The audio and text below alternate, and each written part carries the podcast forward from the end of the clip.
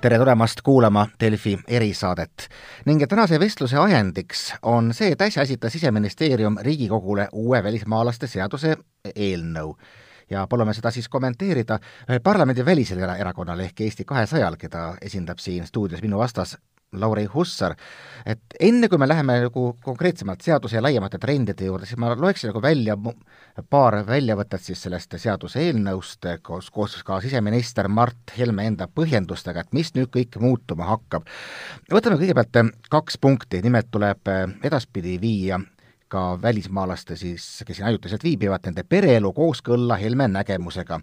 nii näiteks ütleb ta, et pereliikmetele ei anta pikaajalist viisat siin õppiva või töötava välismaalasega samadel tingimustel, sest et pereelu saab välismaalane elada ka oma päritoluriigis, et siin ainult õpi või tööta, aga vot pereelu elad kuskil mujal. ja punkt kaks, mis samasse valdkonda läheb, on ka see, et äh, ka abikaasa saab siis taotleda elamisluba, kui siin ajutiselt viibiv välismaalane on õppinud või töötanud vähemalt kaks aastat ja põhjendus, et vot selle aja jooksul on välismaalane jõudnud kohaneda leidnud püsivama elukoha ja on tekkinud kindlus, et ta suudab tagada pereliikme ülalpidamise. Lauri, kas sa saad aru, mis probleemi need punktid lahendavad, et ma näen, et võimalik, et kardetakse, et tulevad välismaalased siia, sünnitavad, Eestis sünnivad lapsed, pärast probleeme kui palju või mis on see praeguses õigusraamistikus olev nihe, mida vähemalt siseminister näeb ja tahab lahendada? no mina näen, et see konkreetne seaduseelnõu on üks osa sellisest laiemast trendist, kuhu äh, et tänase Eesti valitsuse poliitika on, on liikumas ja liikunud ja, ja, ja selle trendi nimi on Eesti kinnikeeramine. ja, ja seda tehakse püsivalt, seda tehakse jätkuvalt kõikvõimalike äh, seaduseelnõude ja algatuste puhul, ähm,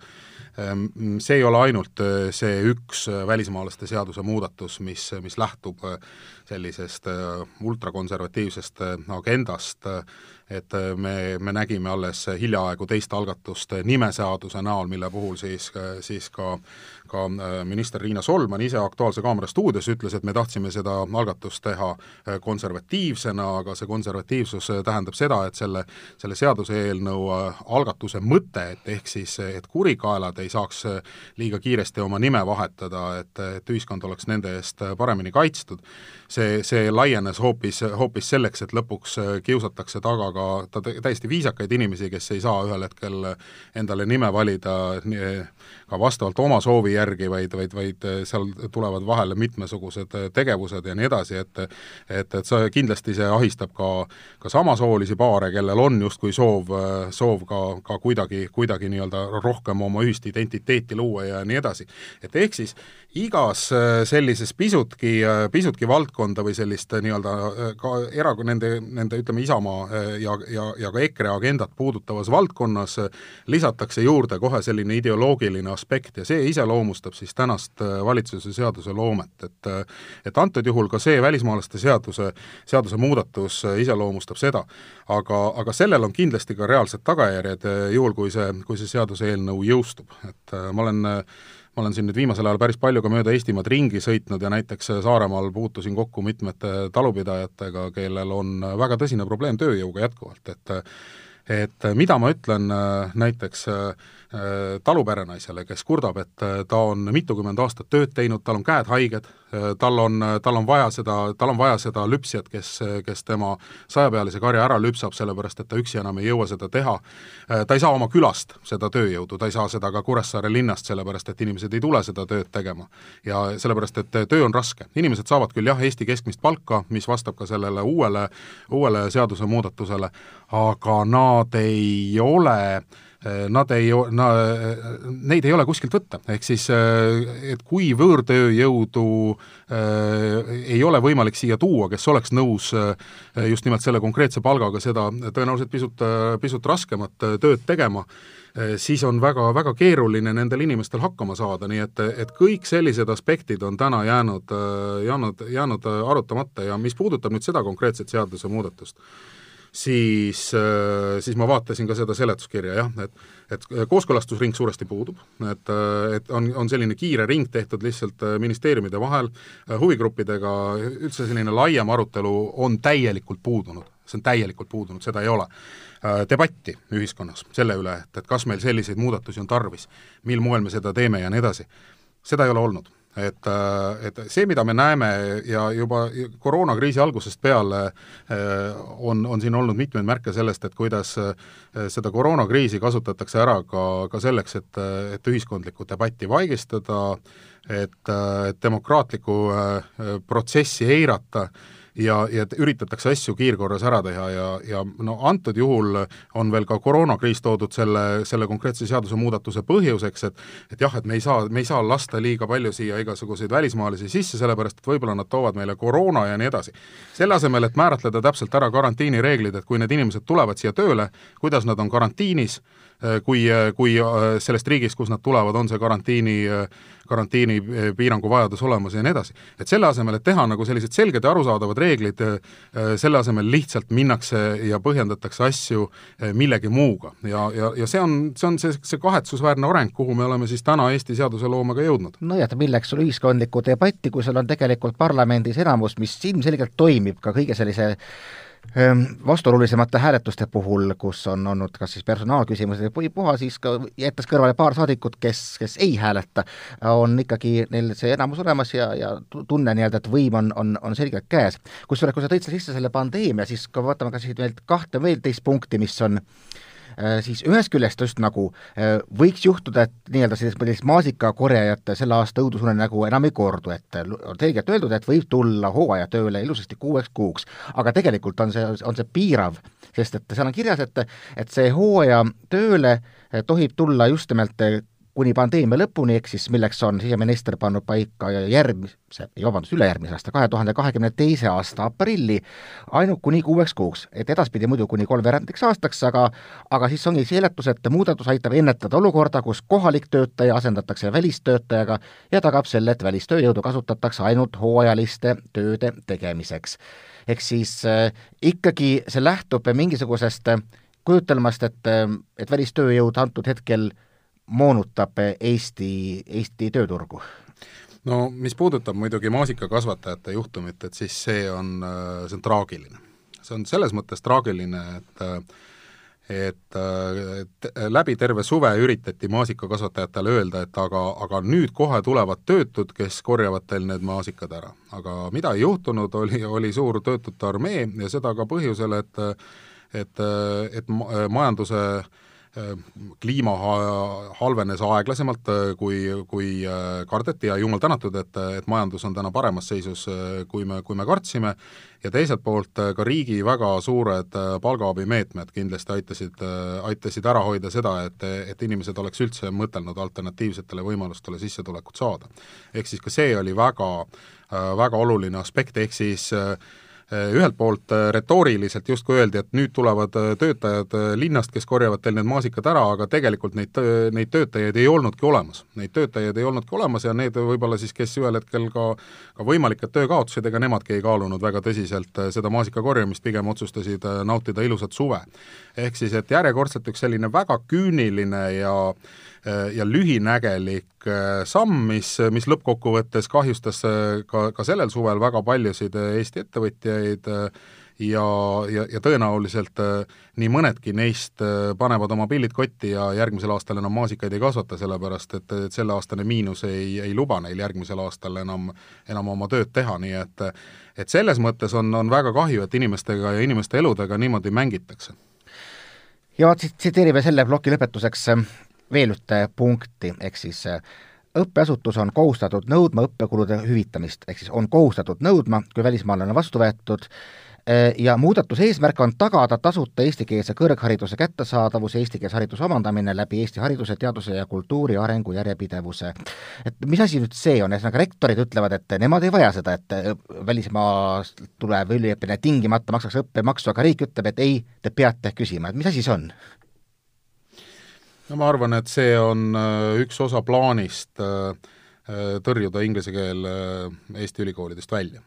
et me teame ju, et diskussioon selle üle, et miks meil on inglisekeelsed õppekavad, meil on kuskil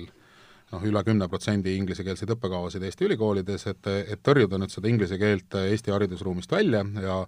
ja öeldakse, et see ei arenda meie haridusruumi, see on hari-, haridusruumile probleemiks ja nii, ja et, et pigem siis selleks, et arendada nagu kvaliteetset kõrgharidust, selleks on siis meil vaja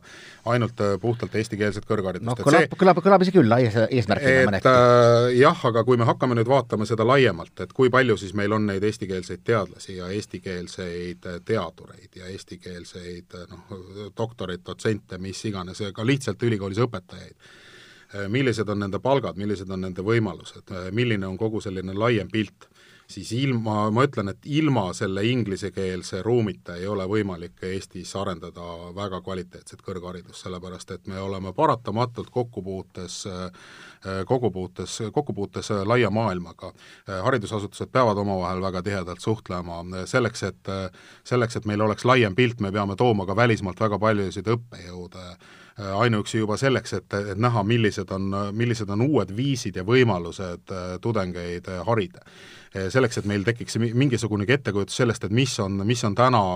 millised trendid on täna maailma kõrghariduses. selleks me peame ka, ka tooma seda sisse ja ma arvan, et see süsteem ei ole üldse halb, et, et Eesti ülikoolide tase on viimasel ajal paranenud ja see ei ole paranenud ainult sellepärast, et, et meil on eestikeelne haridus, vaid et meil on ka olemas inglisekeelne haridus. ja, ja selline laiapõhjaline, laiapõhjaline nägemus sellest, et kuidas võiks seda haridust arendada. loomulikult eestikeelne kõrgharidus on tähtis ja tal on väga oluline koht ja seda arendatakse edasi et siin, siin ei ole mingisugust kahtlust, aga nüüd, kui jätame selle teise poole täiesti kõrvale ja ütleme, et seda ei ole, siis me tegelikult lõikame Eesti kõrghariduse kasvupotentsiaali maha ja, ja see on minu hinnangul vale. et, et ta kindlasti ei ole, ei ole kõige olulisem, tal on, tal on oma, oma, oma, oma roll olemas, aga, aga teoretiseerime lihtsalt, et mis siis juhtuks, kui me nüüd ühel hetkel vähendame oluliselt äh, üliõpilaste arvu äh, Balti Filmi- ja Meediakoolis. et mis siis juhtub selle kooliga, et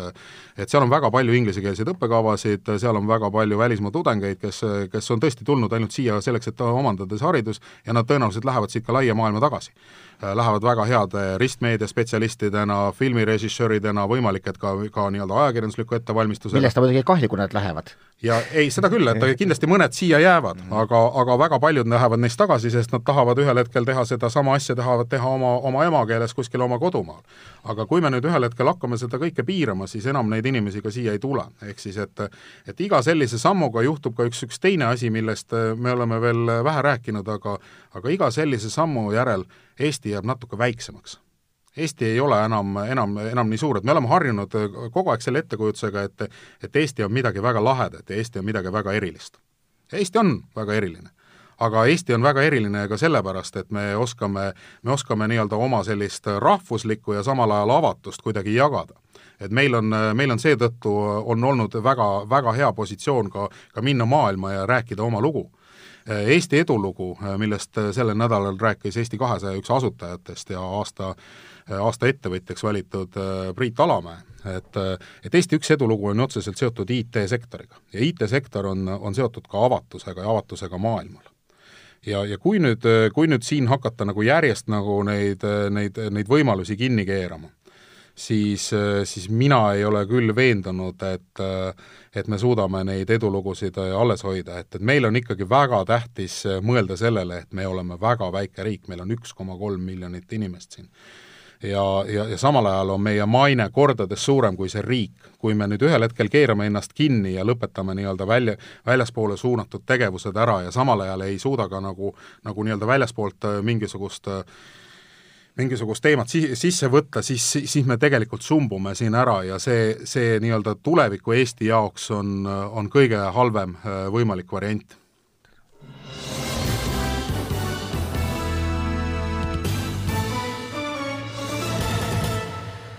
ja sellesama viimase mõttega ma tegelikult tahaksin ka edasi minna, et umbes samasuguseid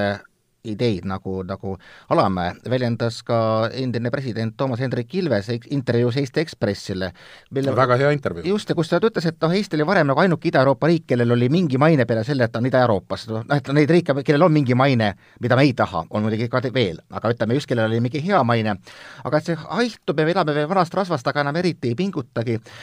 see mõte on huvitav, et aga äkki see, äkki see oligi nagu võltskuvand, et et nii-öelda see madu eh, läks väga pikaks, et eespidi, eespidi läksid eest ära ja tagumised ei jõudnud kuidagi järgi ja see, mis praegu toimub, ongi selline nii-öelda noh, normaalne korrektsioon. No nii päris see ei ole, et noh, ma, kui ma toon siin kas või näite oma, oma Saksa sõpradest ja, ja, ja nendega suhtlemisest ja, ja, ja kui ma kui ma, kui ma nende seltskonnas satun kellegi uue inimesega kokku ja, ja, ja, ja see inimene kuuleb, et ma olen Eestist äh,, siis ta, siis ta hüüatab selle peale, et ah, du bist von Estland ja das ist de, diese E-staat ja, ja, ja, ja siis, ja siis läheb jutt juba Eesti e, e-eduloole ja nii edasi. see Eesti kuvand on palju suurem, kui me arvame. See Eesti maine e-riigina on äh, midagi sellist, mille, mida me peame hoidma, seda, seda taime tuleb väga hoolikalt kasta, meil on siin veel äh, nii nagu ka Priit Alamäe muuseas ütles, et, et see e-riik on veel täitsa, täitsa elujõuline ja kui siin nüüd õieti toimetada ja õi-, vabandust, õigesti toimetada, räägime eesti keelt ikkagi õigesti et kui siin õigesti toimetada, siis äh, Äh, siis on võimalik saavutada veel väga ja väga palju. ja, ja Eesti riigil on väga unikaalset teadmist, äh, kuidas äh, seda e-riiki arendada. kui me suudame seda ka välja, välis, väljaspoole pakkuda, siis, siis ma arvan, et see on midagi sellist, mille alusel meid õpitakse veelgi rohkem hindama, nii et et me peame siin väga palju pingutama, eestlased on rahvas, kes on harjunud pingutama ja eestlased on rahvas, kes, kellel on, kellel on selline loomuomane sund püüd, püüelda pidevalt paremuse poole ja ma arvan, et, et see, see ka IT-riigi, IT-riigi kuvand on, on just tingitud sellest, et, et see meie, meie alateadlik tung ja soov teha asju järjest paremini on, on viinud meid sellisesse seisu. no kui ma mõtlen selle peale, et ega nagu ratsionaalselt mõeldes ei saa olla ka näiteks äh, siseministri partei eesmärgiks see, et Eesti maha jääks, et ta ikka, ta tahab ikkagi usutavasti Eestile parimat ja mingil põhjusel ta usub, et, et selline et rohkem Eesti varjestamine, lukku keeramine, sulgemine, mis iganes väljendit kasutada, on, on Eestile ikkagi võib-olla siis parem te, tema, tema nägemuses, et võib-olla tõesti seda siis äh, mingit oma äh, elektoraati, kes ilmselt on mõnevõrra, tunneb, tunneb ennast rohkem haavatavamana selles globaalses äh, tuuletõmbuses äh, nagu järgi aidata, või et noh, kuidas sa nagu ise püüaksid selgitada, mis on see nagu ratsionaalne iva, et miks just nimelt see nagu sulgemine, lukku keeramine on see, mille, mille nimel mitte ainult retooriliselt, vaid ka läbi reaalsete sammude püüelda, tegeleda? ma arvan, et nad teevad, tegelevad väga selgelt võimu pärast sellega kuna eh, maailmas on näha, et, et sellisel ideoloogial siiski on, on mingisugust kandepinda, Eesti puhul me, me räägime siis noh, võimalik, et sellisest EKRE toetusest ja natukene võib-olla ka mõni protsent Isamaa toetusest on väga otseselt seotud siis sellise hoiakuga, no me räägime kuni kahekümnest protsendist, et see on selgelt, selgelt see kandepind, mille põhjal on võimalik sellist poliitikat ellu viia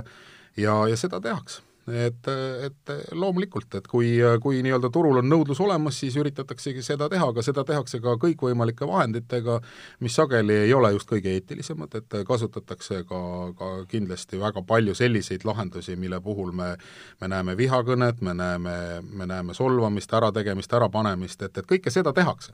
ja, ja, ja, ja noh, loomulikult eh, ka tänased äh, uue meedia väljakutsed on andnud neile suure võimaluse, et, et kindlasti see, see viis, mil moel läbi sotsiaalmeedia inimesi, inimesi aktiveerida, et, et siin kindlasti on EKRE Eesti erakondade ees esirinnas, et, et ka see on andnud neile päris palju võimalusi. no kui, kui kui, kui, kui kahjulikuks sa ise hindad näiteks neid, neid samme, kus noh, Eesti mingitest märgilistest äh, initsiatiividest kõrvale jääb, küll oli selline Prantsusmaa algatatud vihakõne vast-, noh, hukkamõistev deklaratsioon puhtakööliselt, ei midagi enamat, küll siis lu-, lubadused kaitsta seksuaalvähemuste õigusi, mis küll siis mitte nüüd EKRE, vaid pigem Urmas Reinsalu initsiatiivil jäi Eesti allkirjata, et noh, ühest küljest kogu selle muu taustal nagu pisikesed sammud, et suudavad nad Eesti kuvandisse väga suure auke lasta kui ma liitusin Eesti kahesajaga, see oli kahe tuhande üheksateistkümnenda aasta alguses, siis ma ütlesin, et ma ei taha ärgata, ärgata Eestis, mis on tundmatuseni muutunud. ja, ja, ja kui ma nüüd siin laenan ühte, üht kuulsat viimase aja väljendit, et siis ma julgen öelda, et see toonane, toonane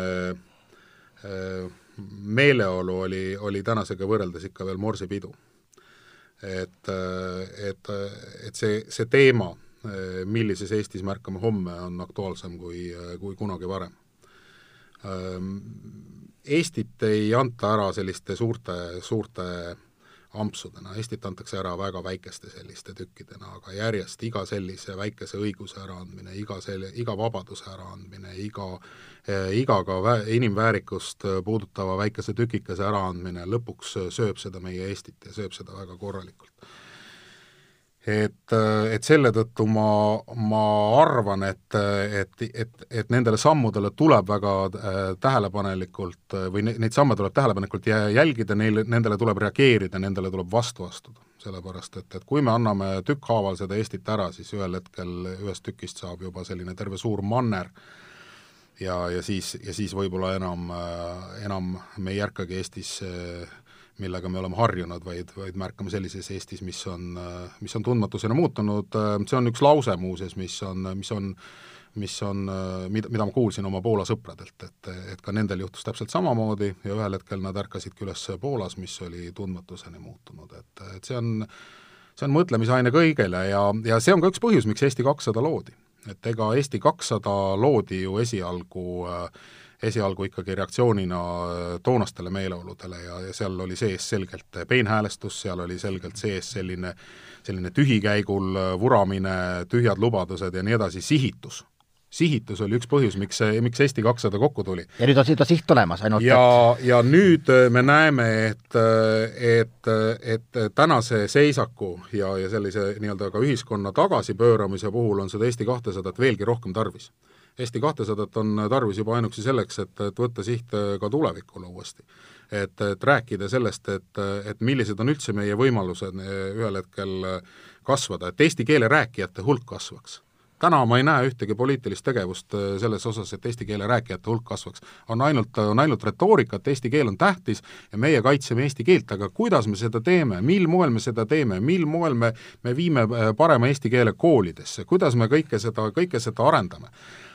sellest ma ei näe mitte midagi. et, äh, et minu jaoks oli koroonakriisi puhul oli, oli päris huvitav üks, üks tähelepanek, äh, mille tegi minu, minu üks hea tuttav kes, kes rääkis sellest, et, et milline oli, oli koroonakriis Eesti venekeelsetes koolides. ja, ja, ja ütleme nii, et tema kirjelduse järgi Eesti venekeelsetes koolides suur osa nendest koolidest ei olnud üleüldse valmis distantsõppele minema, nad ei olnud mitte millekski valmis, neil ei olnud IT-alast võimekust, neil ei olnud teadmisi, neil ei olnud, neil ei olnud paljudel ka oskusi, õpetajate kaader on veelgi vanem kui Eesti koolis, kõik need probleemid hakkasid ilmselgelt silma ja ja, ja see on nüüd, see on nüüd see küsimus, millega ma näen jälle, et üldse ei ole tegeletud. üldse ei ole tegeletud sellega, et, et kuidas need, kuidas need lapsed ka seal Eesti venekeelses koolis saavad parema hariduse et kuidas me suudame ühel hetkel luua, luua sellise haridussüsteemi, et ei ole suuri, suuri kääre eestikeelsest perest, perest pärit Eesti või lapse ja, ja venekeelsest pärit äh, lapse vahel, et, et see hariduste tasemete erinevus on niivõrd suur, et et ma, ja, ja ma ei näe siin mitte mingisugust äh, suurt pingutust selle nimel, et, et seda olukorda kuidagi lahendada, et see on, et see on, see on ka üks, üks märk lihtsalt sellest, et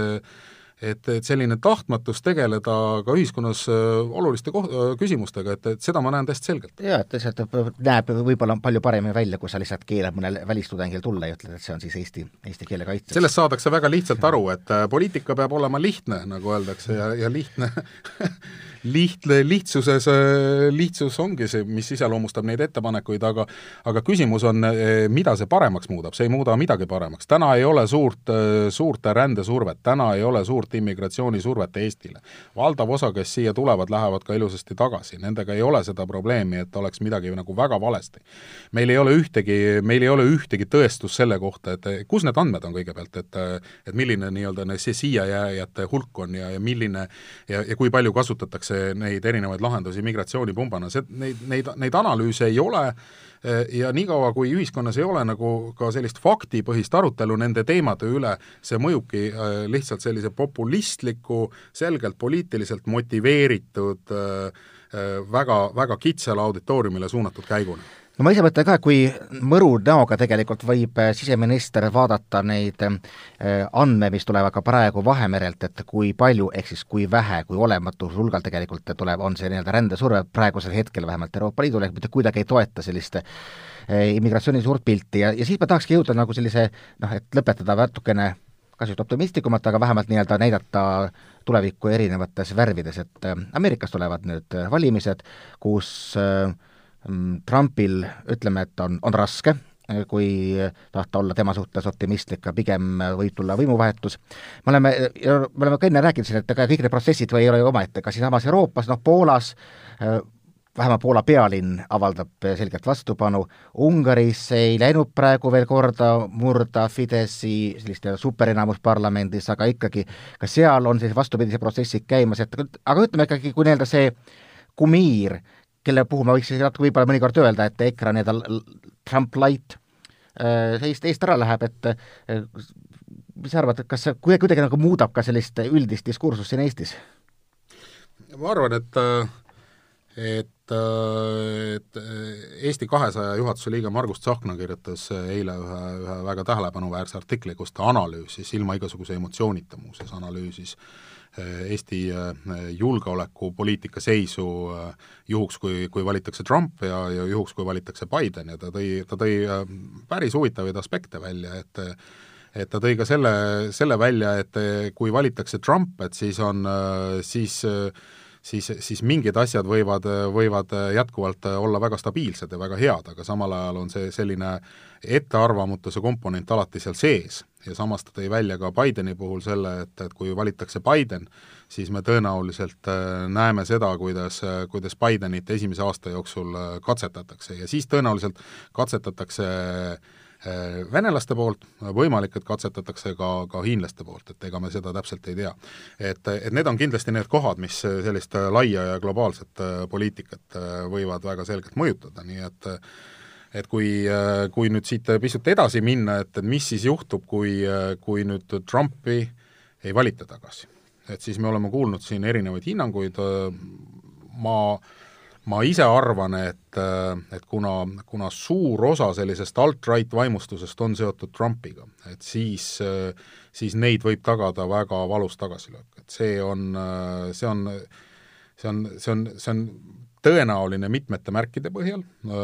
samas ega, ega me täpselt ei tea, kuidas võtmeosariikides see hääletus tuleb, nii et, et kindlasti see olukord saab olema väga pingeline, et kui Trump valitakse tagasi, siis me näeme üsna tõenäo-, suure tõenäosusega näeme suhteliselt sarnase poliitika jätkumist, mida me siin viimase kolme poole aasta jooksul oleme näinud, nii et et need on kaks valikut, et ega tõenäoliselt Trump, ma arvan, ka lõplikult ega ta NATO-t hüljata ei saa, sellepärast et ega ta üksi ei valitse USA-d, seal on ikkagi veel äh, veel parlament äh, ja, ja, ja ka kohaliku taseme poliitikutel osariikides on väga, väga suur mõjuvõim, et, et kindlasti on siin, siin palju erinevaid mõjureid, mis ei, mis ei luba sellist sellist läänelikku elukorraldust ja, ja, ja seda, mil moel me siia on, oleme erinevaid julgeolekuarhitektuure ka üles ehitanud või arhitektuuri üles ehitanud, et, et ei luba seda muuta, aga kindlasti mingisugused muutused võivad, võivad veel aset leida aga, aga elame-näeme, et elame huvitaval ajal ja selles mõttes kindlasti USA presidendivalimised on, on, on sellel korral põnevamad kui kunagi varem. Ja ma, ma vaatasin just, see oli vist Trumpi ja Bideni esimese debati järel, esines CNN-is, esines asepresidendikandidaat Kamala Harris, kes ütles, ütles ühe sellise lause, et, et, et inimesed, et need tulevased valimised on kõige olulisemad valimised teie eluajal et, et ma arvan, et see on, see on lause, mis tõenäoliselt USA-s hakkab kostuma mõlemalt poolt. no seda on näha eh, ka näiteks ka nendest järjekordadest, kus mõned inimesed on valmis seisma üle kümne tunni, et üldse anda oma häält ja enamasti ei minda oma häält andma sellepärast, et võimul olevaid poliitikuid võimule jätta. Ma, ma, ma toon ühe olulise, siiski ühe väga olulise aspekti, et, et, et võib-olla selle, selle teema markeerimiseks, et me näeme täna, kui lõhki on USA ühiskond, et tõenäoliselt äh, Äh, USA ei ole juba aastasadu olnud nii lõhestunud, kui ta on täna. Äh, ja, ja võib-olla viimati siis alles äh, kodusõja ajal me võime rääkida võib-olla sarnastest meeleoludest, et et, et kui nüüd kui nüüd pisut hinnata seda, et mis on see viinud sellise väga terava polariseerumiseni, siis, siis ma arvan, et selle põhjus on ikkagi väga selgelt selliste maailmavaate meediate põhjal tekkinud teravad põrkumised ehk siis kuna USA meediasüsteem on üles ehitatud maailmavaatepõhiselt, et on olemas äh, vabariiklaste või siis konservatiivselt mõtlevate inimeste selline meediaklaster või, või plokk ja siis teiselt poolt on demokraate toetavad, toetavad meediaorganisatsioonid. ja kuna nemad on läinud nagu väga teravalt äh, üksteise vastu, et seal on küll, seal on küll, seal tehakse märkimisväärselt head ajakirjandust, aga seal on ka väga tugev selline ideoloogiline alatoon. ja see on tekitanud nüüd selle väga terava, terava põrkumise. Ja siis, kui ma mõtlen, et, et meil ka Eestis üritatakse püsivalt arutleda ka selle üle, et, et kas ikkagi, et maailmavaate meedia on ju palju ausam ja kõik on, kõik on väga aus selle maailmavaate meediaga seoses, aga tegelikult me näeme seda, et, et see maailmavaate meedia lõhu, lõhestab ühiskonda palju rohkem, ta, ta eriti veel sellises nagu väga mitmetasandilises Euroopa ühiskonnas, kus on, kus on vaateid palju rohkem kus on, kus on sotsiaaldemokraatlikud vaated, liberaalsed vaated, konservatiivsed vaated, lisaks veel võib-olla ka sellised äärmuslikumad vaated juurde ja see, see palett on palju laiem. ka, ka nii-öelda parlamendi tasemel on see poliitiline spekter palju laiem. et kui seal nüüd hakata väga, väga seda maailmavaate meediat mängima, siis ühel hetkel me oleme silmitsi väga tugevalt polariseerunud ja lõhestunud ühiskonnaga, ja selle vastu, selle vastu ma arvan, et sellises euroopalikus meediapildis tuleb võidelda. see ei ole Euroopale, see ei ole euroopalikule poliitkultuurile ka, ka kuidagi omane. siis ma peangi küsima ikka veel selle, et kui kui nüüd Trump on selgelt keeldunud mõista andmast, et ta on nõus äh, lahkuma rahumeelselt, kui ta maha valitakse ja on päris palju kommentaatoreid, kes kardavad, et tema toetajad võivad teha päris korraliku mürgi selle põhjal, siis kui me meenutame, siis ega, ega ju ka meil EKRE juhid enne või viimaste valimiste ajal ütlesid, et kui meie umbes kõrvale jääme, siis ei tea, mis meie toetajad umbes meie tänavatel teevad. kui, kui katki nüüd Eesti ühiskond on, et meie vist ikkagi päris sellist nii-öelda jõuähvardust kartma veel ei pea või? Ei, see on mõtlemise koht muuseas meediale ka, et, et kui palju ühte või teist seisukohta võimendada, et ega äh, ma, ma siin hiljaaegu ühe projekti raames lugesin läbi muuseas uuesti Dennis McQuaili massikommunikatsiooni teooria. Et soovitan kõigil ajakirjanikel äh, mingisuguse intervalliga seda lugeda, äh, noh, see intervall võiks olla kuskil äh, viisteist aastat. Et äh, tekib päris huvitavaid assotsiatsioone ja, ja, ja ma luge-, see, ma raadiokuulajatele veel ütlen nii palju, et see on, see on üks, üks keskseid massikommunikatsiooniteooria õpikuid äh, üldse maailma äh, ajakirjanduskoolkondades ja, ja, ja ka Eesti, Eesti kõrgkoolides, et, et selle põhjal siis õpitakse seda, et mil moel siis see nii-öelda massikommunikatsiooniühiskond toimib, aga, aga, aga seal on üks väga oluline mõiste, mida me, me peame alati, alati meeles pidama, et mida tähendab infoühiskond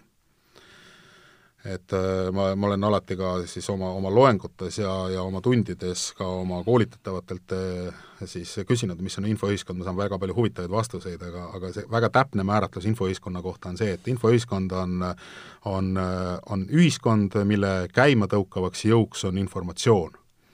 ehk siis see, see, see, see ühiskond toimib tänu informatsioonile, informatsiooni levikule ja nii edasi. Et, et antud juhul noh, ma, ma arvan, et see, see infoühiskond noh, ta peab toimima nii, et, et, et me ühel hetkel, ühel hetkel ka, ka selle infoühiskonna nii-öelda need, need nii-öelda hoovad, kes seal sinna viivad neid informatsiooni sisse, et neil peaks olema ka natukene vastutustunnet, et vaadata, et, kas kui me liigselt äärmusi võimendame, et kas siis me tegelikult nii-öelda sellisest kesk, keskteest jääme täielikult kõrvale, et, et seal seal on ka muuseas vastutus ka kõigil ajakirjandusorganisatsioonidel, et mõelda, et, et mida võimendada ja kuidas võimendada, et, et ka sellel on väga suur kaal. no siin on kohe materjali terveks mitmeks uueks saateks, ma olen nõus alati tagasi tulema. Suur, suur aitäh, Lauri Hussar Eesti kahesajast, mina olen Krister Paris ja te kuulasite Delfi erisaadet